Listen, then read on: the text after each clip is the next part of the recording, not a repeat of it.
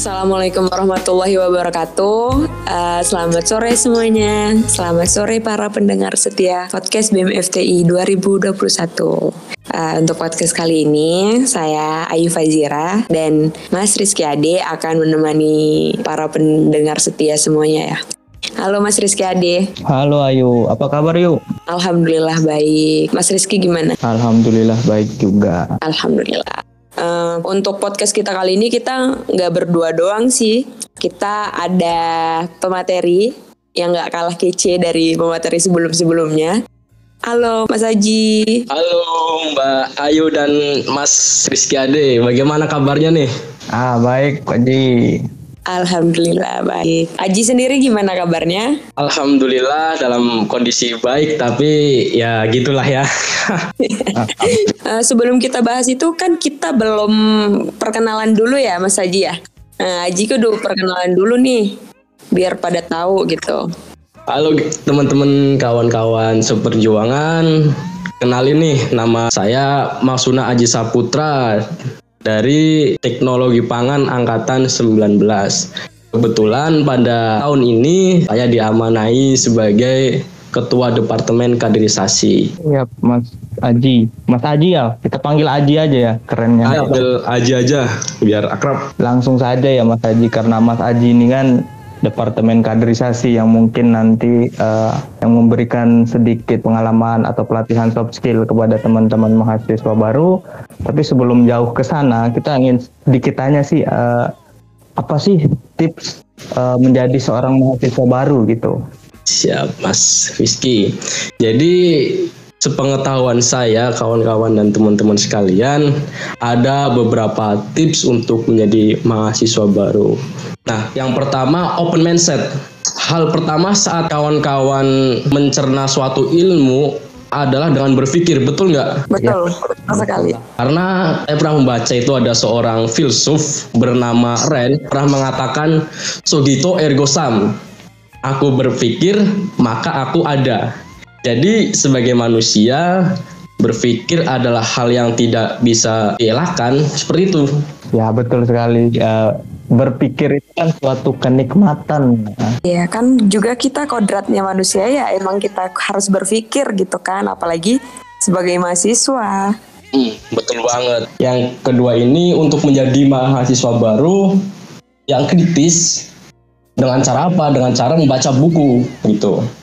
Dan saya percaya bahwa buku adalah jendela dunia karena dari buku saya bisa mengenal tokoh-tokoh besar yang ada di dunia, kemudian tempat-tempat bersejarah di dunia ataupun kejadian-kejadian yang menghebohkan yang menggetarkan dunia seperti perang dunia satu, perang dunia dua, filsafat. Nah itu diambil dari buku-buku maka tentunya sangat penting sekali untuk membaca buku seperti itu uh, kalau sekarang itu kan uh, kita dari internet gitu ya. Tapi kan kalau dulu itu nggak ada namanya internet. Jadi perlu kita baca dan kita cari tahu. Dan referensi referensinya juga perlu kita cari tahu gitu. Tinggal tinggal gimana kita itu ya uh, inginnya keinginan kita gitu. Sebenarnya untuk ilmu itu udah banyak banget gitu. Jangan hanya internet itu di gunakan untuk hal-hal yang bisa dikatakan kurang baik gitu. Iya nggak Mas Haji? Kebanyakan malah sekarang terpaku pada internet sih Bang. Uh, tapi kalau misalnya kayak aku pribadi, ketika aku malas membaca ya, yang aku lihat adalah internet. Karena biasanya internet itu lebih menarik gitu dari buku. Kalau kalian sendiri gimana? Apakah kalian lebih memilih buku atau internet untuk uh, referensi pengetahuan? Nah, kalau aku ya, kalau kalau aku ya untuk referensi pengetahuan sebenarnya aku masih condong ke buku. Kenapa masih kurang di internet? Ya karena internet itu uh, ada terlalu banyak hal gitu. Jadi aku kurang fokus gitu ketika misalnya mau belajar tentang ini ini, tapi sambil pegang HP kan di internet tuh atau laptop, pasti titik fokusnya nanti bakalan hilang gitu ah sambil YouTubean sambil musik kan nah itu. Benar benar juga ya, makanya lebih lebih senang ke buku gitu. Walaupun hanya 15 menit ya lumayan lah ya gitu. Betul banget. Karena memang kalau kita membawa agama gitu kan di dalam Al-Quran kan juga sudah sebutkan dalam kitab suci kan ikro yang artinya bacalah. Ikro ya kita mau kudu ikro guys terkait Al-Quran juga ya. Betul. Masya Allah. Ya Allah. Kita sebagai kampus Islami kan harus sedikit mengetahui. Alhamdulillah ya Allah. Ah, jadi seperti itu yang tadi menurut saya menjadi tips untuk mahasiswa baru khususnya maba 21 adik-adik gemes.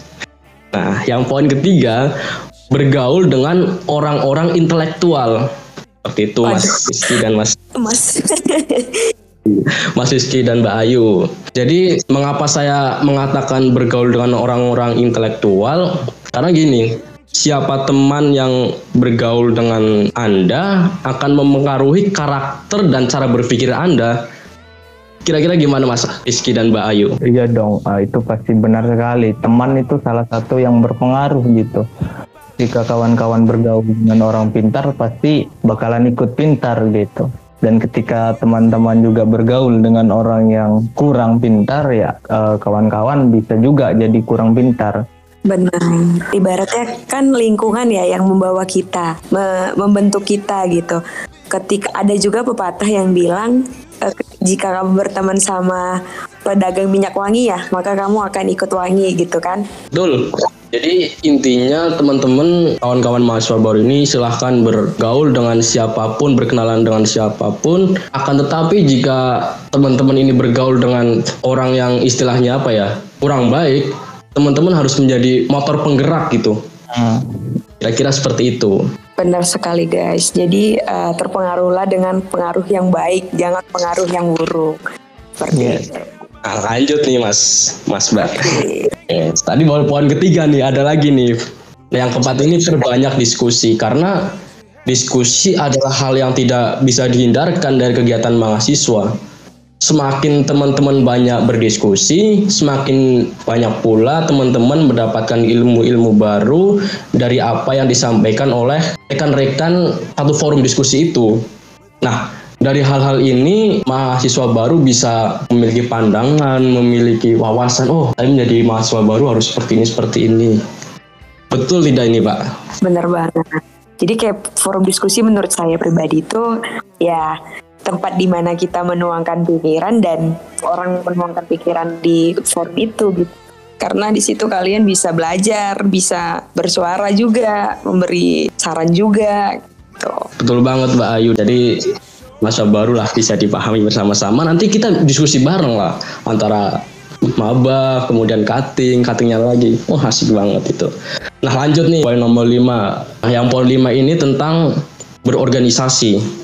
Pada dasarnya organisasi tidak lantas hanya dimaknai dengan arti sempit di mana harus ada lembaga atau konstitusi yang menaungi.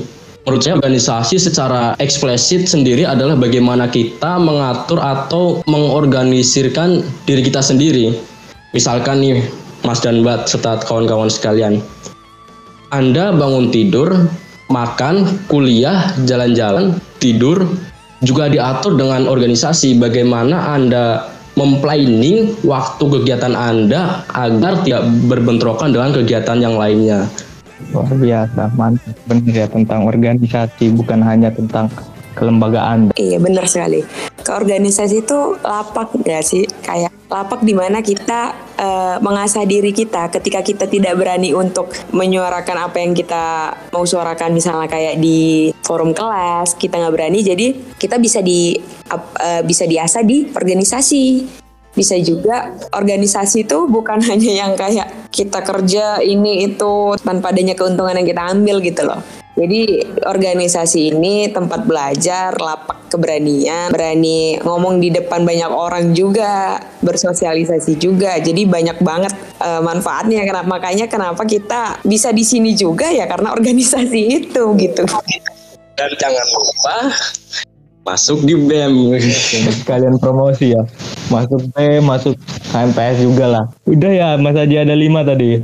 Jadi tipsnya ini 5 atau gimana Mas Haji atau mau ada tambahan Ada tambahan lagi nggak? Mungkin ini untuk tips mahasiswa baru ini yang terakhir itu adalah percaya diri. Banyak sekali mahasiswa baru ini yang dari SMK-nya misalkan pendiam, kemudian masuk ke dunia kampus, mereka percaya dirinya itu hilang, wih saya harus ngapain dan lain sebagainya. Wah itu sangat parah. Makanya mahasiswa baru harus percaya diri. Itu sih kalau menurut saya mengenai mahasiswa baru harus ngapain tip-tipsnya dan lain sebagainya Nah, kalau yang tadi udah kita tipsnya kan, uh, ini kita FTI ya. Nah, kalau saya dulu FTI itu mikir kayak, wih keren banget nih FTI Fakultas Teknologi Industri, anak teknik nih gitu kan.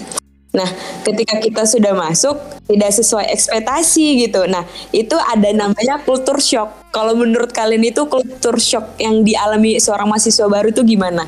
Jadi kultur shock ya. Kultur shock ini adalah suatu kejadian di mana seseorang atau mahasiswa menempati daerah baru atau tempat asing yang mereka belum pernah ke tempat itu namun mereka ke situ dan di situ mereka mengalami kejadian misalnya kaget atau wih kok seperti ini yang tidak sesuai ekspektasi saya seperti itu yang dinamakan kultur shock menurut saya nah ya jadi bagaimana kita bisa menempatkan diri kita secara baik gitu kan. Misalkan saya nih orang Pekalongan, terus saya pindah ke Jogja. Ekspektasi saya kan, wah Jogja ini tempatnya indah, sopan santun dan sebagainya. Tapi setelah saya mau ke Jogja, benar-benar indah. Oh itu kultur shocknya baik ya berarti. Ya, kultur shocknya baik. Tapi memang ada iya. beberapa hal yang negatif yang membuat kaget kita kan wih kok seperti ini. Jadi kita harus menanggapinya dengan secara bijaksana, kemudian secara baik lah intinya gitu. Uh, kalau Mas Rizky tadi gimana? Kalau Mas Rizky? Uh, kalau dari aku pribadi sebenarnya ketika udah memilih untuk kuliah sebenarnya udah banyak hal yang aku persiapkan ya terkait ya mungkin aku pribadi kan dari luar Jawa gitu dari Nusa Tenggara yang terkait kultur pasti berbeda nah itu mungkin salah satu hal yang aku takuti ya dulu ketika masuk atau bergaul dengan teman-teman yang dari luar daerah karena di sini pasti banyak budaya, bahasa, intonasi kata. Nah, itu itu yang mungkin sedikit ya karena ada teman-teman yang mungkin di daerah lain gitu yang cara nada bicaranya itu agak tinggi. Nah, itu yang mungkin uh, sempat dulu karena belum uh, penyesuaian ya agak tersinggung gitu. Tapi lambat laun alhamdulillah kita bisa menyesuaikan gitu. karena ya memang Indonesia begini beragam gitu bineka tunggal ika gitu jadi luar biasanya gitu alhamdulillah saya bersyukur malah jadinya karena banyak budaya, banyak kultur yang bisa saya temui. Jadi gitu sih. Kalau kultur shock ini pasti bakal dialami semua mahasiswa sih kalau menurut saya. Karena uh, bukan hanya saya saja yang pernah alami ya kayak Aji dan Mas Rizky juga pernah ngalamin gitu. Dan kayak saya ya apalagi saya orang Medan gitu. Ketika saya ke sini ya kultur shocknya gede banget. Kayak biasa kita bilang kau jadi kamu gitu Hmm, terus kayak uh, misal mikir kan uh, wah kuliah tuh pasti kayak di TV-TV gitu. Uh, main mulu gitu kan. Hilangkan pemikiran seperti itu untuk mahasiswa baru. Karena ketika kamu sudah terjun ke perkuliahan yang kamu lihat di TV itu beda. Makanya itu terjadi kultur shock di kalian gitu. Di dunia kuliah cuma melihatkan mainnya kalau di TV ya jarang memperlihatkan penugasan dari dosen gitu. Isinya pacaran, pacaran dan pacaran ya. Bingung juga. Tapi ada juga yang buat uh, perkuliahan itu kayak oh nanti aku di kuliah dapat pasangan itu kayak ada sih seperti itu. Ya, banyak. Tuh, karena ya itu doktrin dari televisi. Harusnya pertelevisian ini harus membuat terobosan gitu kan realita mahasiswa itu seperti apa diskusi kemudian melakukan aksi gitu Iya mungkin mahasiswa baru yang mendengar ini pasti paham lah ya apa yang kami bilang itu benar gak seperti perfilman seperti itu. Dan kalau uh, menurut saya juga culture shock harus uh, dihilangkan dengan cara perbanyak uh, referensi dulu apa yang dibilang kayak yang dibilang Mas Rizky Adi tadi. Jadi ketika kita sudah masuk kita sudah tidak terlalu kaget dengan keadaan yang ada di perkuliahan seperti itu. Oh, betul bang. Jadi sebenarnya setiap masalah itu pasti ada jalan keluarnya kan? Seperti juga dengan uh, kultur shock ini. Iya guys. Benar guys. Yang penting jangan terlalu expect tinggi banget aja ya kali ya. Kalau terlalu expect nanti jadinya kena PHP gitu sih tentang kultur shock. Iya, benar. Habis kita sudah membahas tentang tips dan kultur shock, kan kita ada belajar mengajar nih. Saya sih perbedaan kegiatan belajar mengajar ketika di SMA dan kuliah? Sangat berbeda banget ya. Jadi seperti ini kawan-kawan sekalian.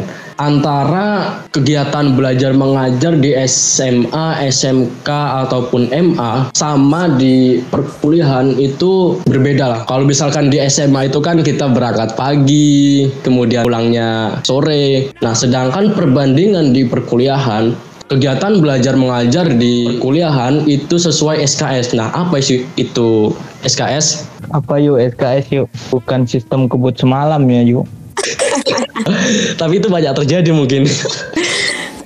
SKS itu satuan kredit semester guys. Hmm, itu satuan kredit semester. Dan per SKS itu sekitar 40 menit sampai 45 menit seperti itu. Nah terkait jamnya itu paling kalau di perkuliahan satu hari hanya satu matkul, dua matkul seperti itu. Dan berangkatnya pun ya sesuai matkul itu. Misalkan hari ini ada dua matkul pagi sama sore. Paginya jam 7 terus selesainya jam 9. Nah itu kita pulang. Kalau yang ikut organisasi ya berorganisasi, kalau yang main ya main. Nanti kita datang ke kampus lagi jam 4 kalau enggak ya sesuai jadwal lah. Seperti itu sih.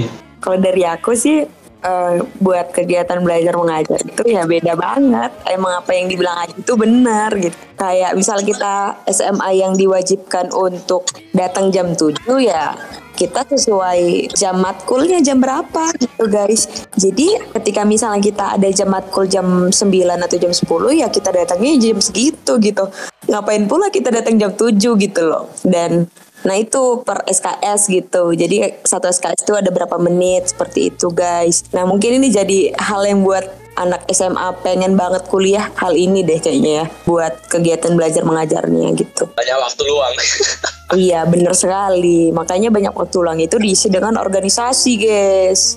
Ah, ah, terus tambahan ya terkait perbedaan belajar di kampus dan di sekolah itu terkait cara mengajar dari dosen dan guru itu sangat berbeda. Guru kan di SMA kita kayak disuapi gitu. Ini harus gini-gini harus sampai pintar gitu. Dosen itu sebenarnya tidak terlalu bertanggung jawab. Teman-teman itu harus paham atau tidak karena teman-teman sudah cukup dewasa gitu. Ketika dosen menyampaikan ini tapi teman-teman acuh-acuh ya dosen apalagi gitu. Bodoh amat karena ini ilmu untuk kalian gitu. Yang penting dosen itu tanggung jawabnya menyampaikan, mengajarkan ke mahasiswanya. Ketika mahasiswanya tidak paham, ya itu resikonya nanti mungkin kenilai dan segala macam. Dan itu tidak ada kerugian bagi dosennya. Jadi uh, dituntut kita selama mahasiswa ini harus lebih dewasa lagi. Betul banget. Ya kita flashback ke eh, waktu SMA lah ya. Mungkin di SMA misalkan ada tugas guru pasti mengejar ya. Misalkan, Mas Aji, mana tugasnya? Udah belum, udah belum, dan lain sebagainya. Tapi di saat di perkuliahan ada tugas, ya kalau kelewat ya kelewat udah nggak ada yang. Iya, nilai kita yang bahaya gitu. Dan yang terpenting kita sebagai mahasiswa kemudian terkait apa KBM kegiatan belajar mengajar yang ini, bahwa yang perlu kita ketahui ada sebuah pepatah mengatakan seperti ini dosen bukanlah dewa yang selalu benar dan mahasiswa bukanlah kerbau yang selalu salah. Nah, itu sangat penting. Jadi, misalkan dosen sedang menerangkan menurut saya tidak paham, ya kita harus bertanya gitu. Itu yang terpenting sih. Uh, perkuliahan menjadi asik kalau mahasiswa dan dosen saling uh, uh, saling ada ini apa tuh namanya respon balik apa gimana respon sih? Balik kan, tuh ada timbul balik, saling respon. Betul sekali. Dan perkuliahan yang paling enak itu Bu secara offline. Benar sekali. Teman-teman mahasiswa tahun 20, tahun 2021 ya bertanya-tanya lah pada senior teman-teman karena bertanya itu penting. Nanti, wih, saya online dulu enak belajarnya terserah absen doang gitu kan. Setelah offline, uh berat. Benar sekali. Hmm, kan kita udah KBM nih. KBM tadi kegiatan belajar mengajar. Sayang banget kalau misalnya KBM yang satu lagi yang kita bahas, guys. Apa tuh? Apa tuh? Keluarga besar mahasiswa. Aduh. Kan uh, mahasiswa baru harus tahu nih, selain kegiatan belajar mengajar, KBM juga keluarga besar mahasiswa loh. Oh, jelas. Ada singkatan lain juga ya. Iya benar sekali. Jadi prodi itu uh, dan perangkatan kalian itu teman-teman itu jadi nantinya menjadi keluarga besar mahasiswa. Kalau dari Aji gimana Aji? Nah, jadi sebenarnya di saat kita masuk ke dalam suatu prodi ya kita sudah masuk ke KBM dan perlu teman-teman mahasiswa baru ini tahu bahwa KBM ini yang nantinya sebagai kalau di pemerintahan itu sebagai rakyat kalau di kampus itu sebagai mahasiswa yang mengkritisi orma-orma yang di atas betul nggak nih Ya benar benar. sih, itu garis kecilnya benar benar. KBM ibarat netizen gitu. Ya sedikit pengetahuan mungkin ya untuk uh, bukan ing- bermaksud ingin apalah. Jadi uh, di kampus ini sebenarnya miniatur dari pemerintahan, miniatur dari Indonesia gitu. Ada sistem pemerintahannya juga, ada lembaga eksekutif, legislatif dan yudikatif, ada dewan perwakilannya, yaitu ada KBM atau mahasiswanya. Jadi bisa dikatakan kawan-kawan juga nanti belajar banyak di sini gitu. Betul banget. Jadi misalkan teman-teman, wah saya nanti ketika sudah besar ini menjadi politisi, ah cocok banget tuh. Eksekutif, legislatif, yudikatif. Tuh. Udah 40-an menit loh. Masih ada ya poin pembahasannya nggak yuk? Tapi sabar dulu karena ini sangat penting untuk mahasiswa. Ah. Mm-mm, Untuk target rencana pencapaian selama kuliah. Nah, ini yang penting banget buat mahasiswa tahu.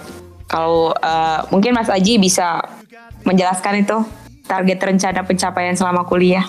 Jadi seperti ini, di saat saya dulu mendaftar sebagai mahasiswa baru, saya tanya kepada senior saya, Mas, Mbak, Bang, di kampus itu seperti apa? Seperti ini, seperti ini, seperti ini. Nah, dari penjelasan senior itu, saya bisa membuat target. Misalkan, semester 1, saya harus mengambil SKS berapa. Misalnya, saya hanya mampu 20 SKS, ya udah 20 SKS saja. Saya mampu 24 SKS, ya 24 SKS saja. Nah, kemudian di saat semester 1, semester 2, saya harus mengikuti organisasi apa? Apakah organisasi yang dari terkecil dulu, kemudian yang kebesar, atau langsung yang kebesar?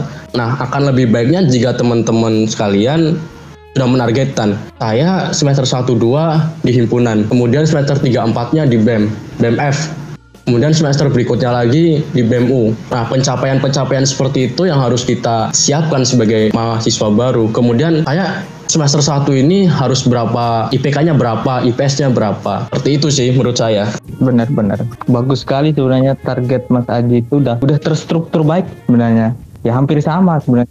Saya awal tentang IPK di semester 1 harus target nilai berapa SKS kalau semester 1 mungkin masih di ini ya paketan paketan. Nah, kalau di semester 2 nanti udah teman-teman bisa milih sendiri SKS-nya. Maksimal kan 24 ya. Alhamdulillah saya selalu gitu, selalu penuh dan untungnya itu di semester tua ketika saya di semester tua udah berorganisasi dan alhamdulillah mata kuliah sudah sisa sedikit gitu. Jadi enak gitu. Karena ada target IPK alhamdulillah masih aman gitu sesuai target dan semoga sampai lulus gitu. Jadi ketika udah ada target itu sebenarnya ah kita ada gambaran ke depannya. Jadi udah ada planning, ada persiapan. Jadi nggak nggak kaget gitu. Benar guys. Jadi eh, buat mahasiswa baru eh, bukan hanya untuk kehidupan aja yang perlu kita plan kita harus gimana, tapi dari eh, mahasiswa eh, untuk menjadi mahasiswa juga seperti itu. Kayak ibarat kalau saya sih hampir sama dengan apa yang dibilang Aji kayak semester 1 sampai 2 tuh himpunan semester 3 apa semester 3 atau 4 ya BEM gitu loh. Dan untuk IPK itu eh, mungkin dari kaliannya sendiri aja sih maunya seperti apa. Yang penting jangan sampai mengulang mata kuliah gitu. Nice. Dan perlu teman-teman ketahui mahasiswa baru ini banyak sekali hal-hal yang kita ambil di semester bawah gitu agar kita lulus. Misalkan kalau di tahun itu ada, tahun ini ada PHP 2D ya bang, Mas, Mbak. ya, ada Hmm. program Merdeka lah, kampus Merdeka. Ah itu penting banget. Jadi mumpung kita masih semester ba- bawah, kalau kita bisa ambil KKN lebih cepat, yaitu lebih baik seperti itu.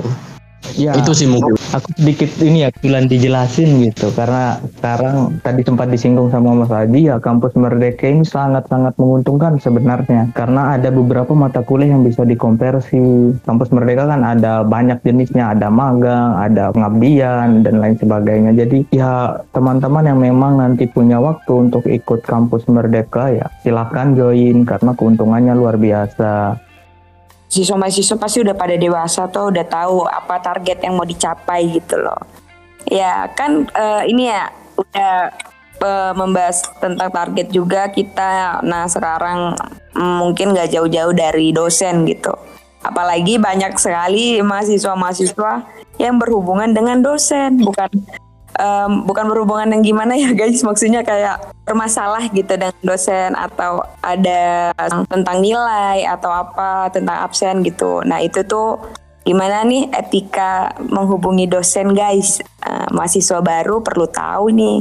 Jadi seperti ini, yang perlu kita ketahui sebagai mahasiswa baru, kita harus paham terkait sikap dari dosen itu. Misalkan dosen itu baik ya mungkin kita menggunakan bahasa-bahasa yang biasa atau lain sebagainya. Ketika dosen itu memang killer, kemudian kita sudah chat nggak dibales, jangan di spam lah intinya gitu.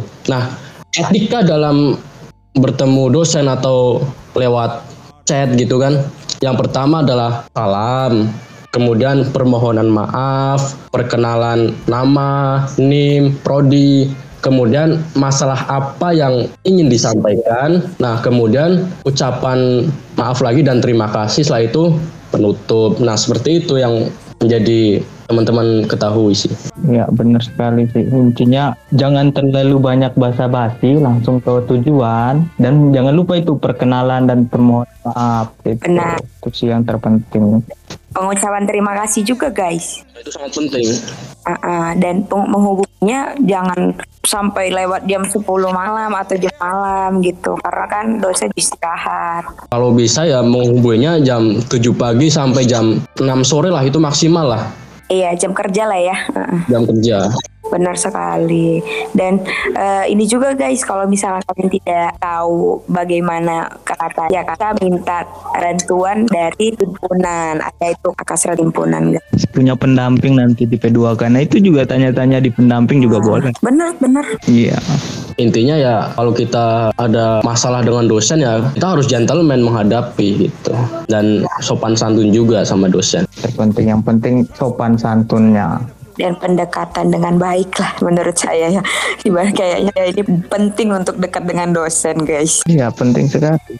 Kawan-kawan itu susah berkomunikasi dengan dosen itu kerugian yang luar biasa gitu. Karena interaksi dengan dosen itu cukup banyak banyak sekarang gitu. Setiap mahasiswa itu menurut saya diwajibkan itu mempunyai atau kemampuan untuk berkomunikasi yang baik dengan dosen. Intinya teman-teman jangan jerekal lah. Apa ya bahasa Indonesia jerekal gitu? Sama saja apa? Kita beda beda bahasa ini. Apa, apa ya bahasa Indonesia nya nih jangan ya intinya jangan sok berani lah sama dosen. Udah jangan minta di dosen intinya. Kalau dosen salah ya tetap diingatkan tapi ya ada batasannya juga. Benar. Nah ada juga namanya dosen pembimbing. Nah mahasiswa kan belum tahu mahasiswa baru. Ke dosen pembimbing tuh apa sih guys? Kan ada dosen pengampu dan dosen pembimbing gitu loh. Apa coba? Kita dijelaskan seperti teman-teman. Jadi dosen pengampu itu adalah dosen yang memberikan pelajaran, memberikan mata kuliah kepada teman-teman yang di kelas seperti itu. Nah, sedangkan dosen pembimbing adalah mereka yang membimbing teman-teman untuk mencapai target-target yang teman-teman inginkan.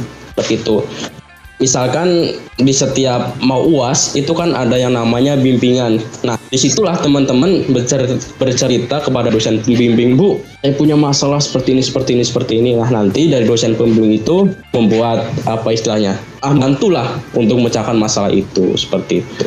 Benar-benar jadi dosen pembimbing itu bisa dikatakan orang tua kalian nanti di kuliah gitu, tempat kawan-kawan curhat yang sebagai penyelesai ya. Tapi ini sedikit ini uh, dosen pembimbing yang dimaksud itu pembimbing akademik ya. Soalnya nanti ketika kerja praktek atau skripsi itu ada dosen namanya juga dosen pembimbing, tapi fokusnya di pembimbing skripsi, pembimbing kerja praktek. Nah, kalau pembimbing akademik yang yang menemani teman-teman dari mahasiswa baru sampai insya Allah lulus nanti gitu. Nah itu guys, begitu banyak dosen kita guys. Jadi ya seperti yang saya bilang tadi, kita bakalan interaksi dengan dosen itu banyak banget. Uh, Oke, okay.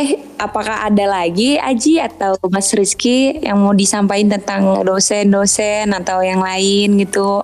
Kalau dari aku sih cukup sih, mungkin Mas Aji gitu. Tutup lah ya nah, penutup ya. Kita udah iya guys. Kayaknya kita emang kudu nutup deh soal durasinya udah panjang banget nih. Ya kita nggak kerasa ya udah lama ya. Udah lama jadi seperti ini penutup dari saya saya mengambil dari ayat Al-Qur'an, Quran surat Al-Imran ayat 110 yang berbunyi seperti ini.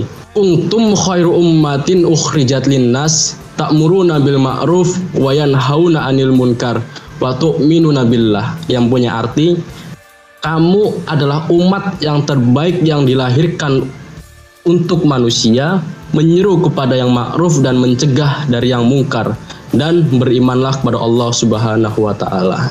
Mantap. Subhanallah. Ya, subhanallah penutup yang luar biasa ya. Penutupnya sekali guys.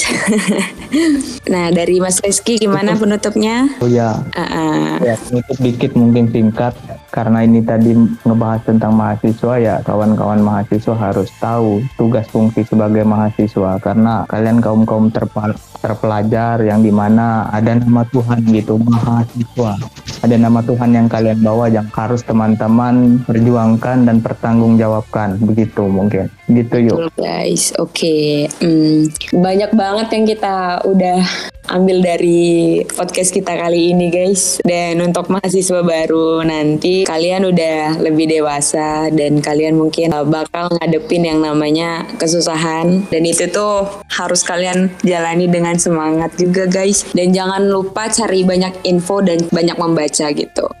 Terima kasih untuk uh, pemateri kita kali ini, Aji. Terima kasih banyak udah memberi kami ilmu-ilmu dan memberi uh, pemahaman banyak kepada mahasiswa baru dan penutup yang bagus banget, penutup yang subhanallah banget guys. Dan Mas Rizky juga terima kasih sudah menemani saya. Terima kasih juga operator. Ya itu aja yang bisa kami bahas untuk hari ini. Terima kasih buat semuanya dan wassalamualaikum warahmatullahi wabarakatuh.